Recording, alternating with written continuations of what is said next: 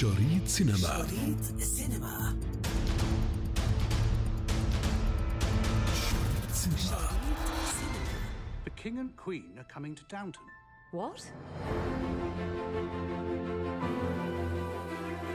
نجح النجمان براد بيت وسيلفستر ستالون في السيطرة بأفلامهما لسنوات طويلة على قمة شباك تذاكر السينما الأمريكية. ففي الأيام الأولى من عرض هذه الأفلام لا يمكن أن ينافسها أي فيلم آخر على القمة. ولكن هذا الأسبوع نجح فيلم Downton Abbey من إخراج ميشيل إنجلر في التربع على قمة شباك التذاكر على الرغم من عرض فيلمي رامبو Last Blood لسيلفستر ستالون و Ad Astra لبراد بيت. وقد حقق فيلم Downton Abbey مطلع هذا الأسبوع 31 مليون دولار يسرد الفيلم قصة عائلة كراولي الملك الشهير الثري الذي لديه ممتلكات كبيرة في إحدى ضواحي الريف الإنجليزي في أوائل القرن العشرين. ويستعد لاستقبال الملك جورج الخامس والملكة ماري في قصره.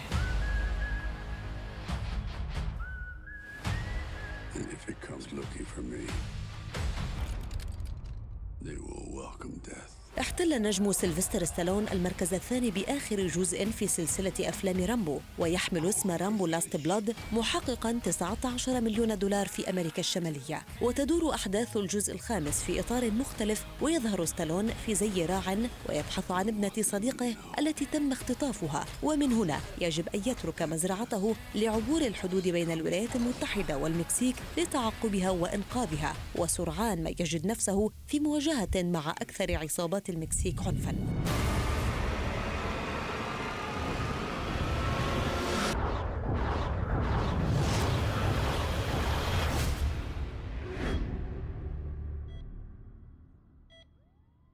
It's crazy out there. There's fires everywhere and plane crashes. They're calling it the surge. وفي المركز الثالث جاء براد بيت بفيلمه الجديد آد أسترا محققا أكثر من 19 مليون دولار أمريكي داخل أمريكا الشمالية. يحكي الفيلم عن روي ماكبرايد مهندس تابع لإحدى فصائل الجيش يقرر البحث عن والده حيث اختفى الأخير في مهمة بحث عن حياة فضائية منذ عشرين عاما ويحاول الكشف عن أسرار تتحدى الطبيعة البشرية. Yes, may I help you? I used to live here. Won't you come in? It's the least I can do.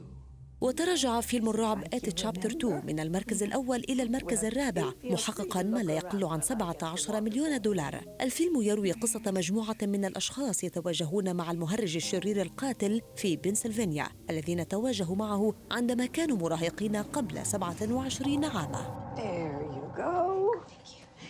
some music.